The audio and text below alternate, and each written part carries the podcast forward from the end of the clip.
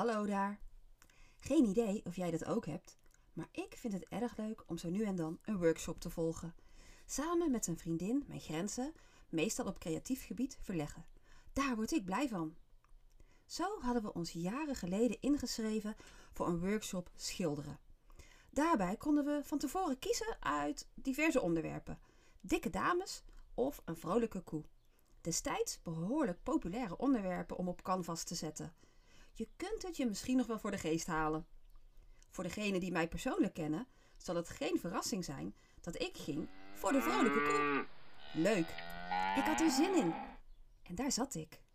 De uitlijnen van dat beest stonden al op mijn canvas en nu moest er geschilderd worden. In opperste concentratie. Met mijn tong een klein beetje uit mijn mond ging ik aan de slag. Dat viel niet mee. Terwijl ik om me heen keek, zag ik steeds mooiere schilderijen ontstaan. Mooi ingekleurd, egaal van kleur, netjes binnen de lijntjes. Wow, dat wilde ik ook. Die tong ging wat verder buitenboord en mijn pogingen om net zo netjes te werken als mijn mede-workshopdames werden steeds krampachtiger. Het lukte me niet. Mijn frustratie werd groter en het resultaat was nog steeds niet bepaald om over naar huis te schrijven.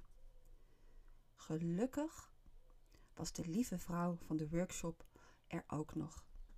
Waarschijnlijk zag zij mijn worsteling en ze sprak een zin uit die ik al vaker van haar had gehoord in eerdere creatieve cursussen die we bij haar hadden gevolgd. Wat ze zei was het volgende: Doe het op je eigen manier. Alles is goed. Doe het op de manier waarop het goed voelt voor jou. Daarna schonk ze een kopje thee in, met een koekje en een vleugje bemoediging erbij. Ik besefte meteen dat ze gelijk had. Waarom zou ik zitten worstelen om iets te maken wat perfect was, terwijl dat niet op die manier bij mij paste? Dus wat deed ik? Ik gooide mijn kwasten aan de kant. Nou ja, zo voelde het. In werkelijkheid legde ik ze netjes neer. En ik ging weer aan de slag. Met mijn vingers. Geloof het of niet, ik heb daar heerlijk ontspannen zitten vingerverven. De spanning ebde weg en ik kreeg er plezier in. En dat was natuurlijk precies de bedoeling. Het eindresultaat was verre van perfect. Maar mijn koe zag er echt behoorlijk vrolijk uit. En ik? Ik was dat ook. Ik had een leuke avond gehad. En als klap op de vuurpijl had ik een wijze les geleerd. Uiteindelijk heb ik dat schilderij nooit opgehangen. Maar ik denk er wel regelmatig aan. Als ik weer eens vastloop in mijn werk bijvoorbeeld. Dan beeld ik me in hoe ik daar zat met mijn vingers helemaal onder de verf.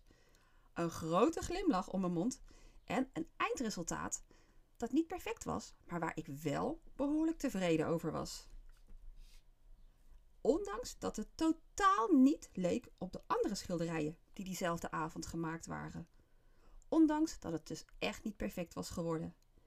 Ik had het op mijn eigen manier gedaan. En daar ontzettend veel plezier aan beleefd. Dat was echt de meest waardevolle les die ik sinds tijden geleerd had. Mijn teksten zijn ook niet altijd perfect. Maar ik schrijf ze op mijn eigen manier. En daar word ik nog elke dag blij van. En weet je, jouw teksten hoeven ook niet perfect te zijn.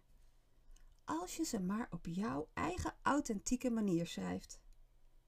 Dan komt je boodschap en die van je bedrijf het beste en het krachtigste over. Sterker nog, dan wordt het vanzelf leuker om te schrijven. En dan is jouw enthousiasme terug te vinden in je teksten. Zelf hoop ik dat ik ooit ook nog zo'n impact zal kunnen maken als de mevrouw van de Vrolijke Koeienworkshop. Daarom ben ik een Facebookgroep gestart om ondernemers zoals jij te helpen meer plezier te krijgen in het maken van content. Ik kan je niet helpen om een mooi schilderij te maken, Maar ik weet wel hoe je op een ontspannen manier goede teksten op je beeldscherm kunt toveren. Misschien vind je het wel leuk om lid te worden van die groep. En zie ik je snel. Misschien ook niet. Doe je het liever op je eigen manier. En dat is helemaal prima. Tot de volgende!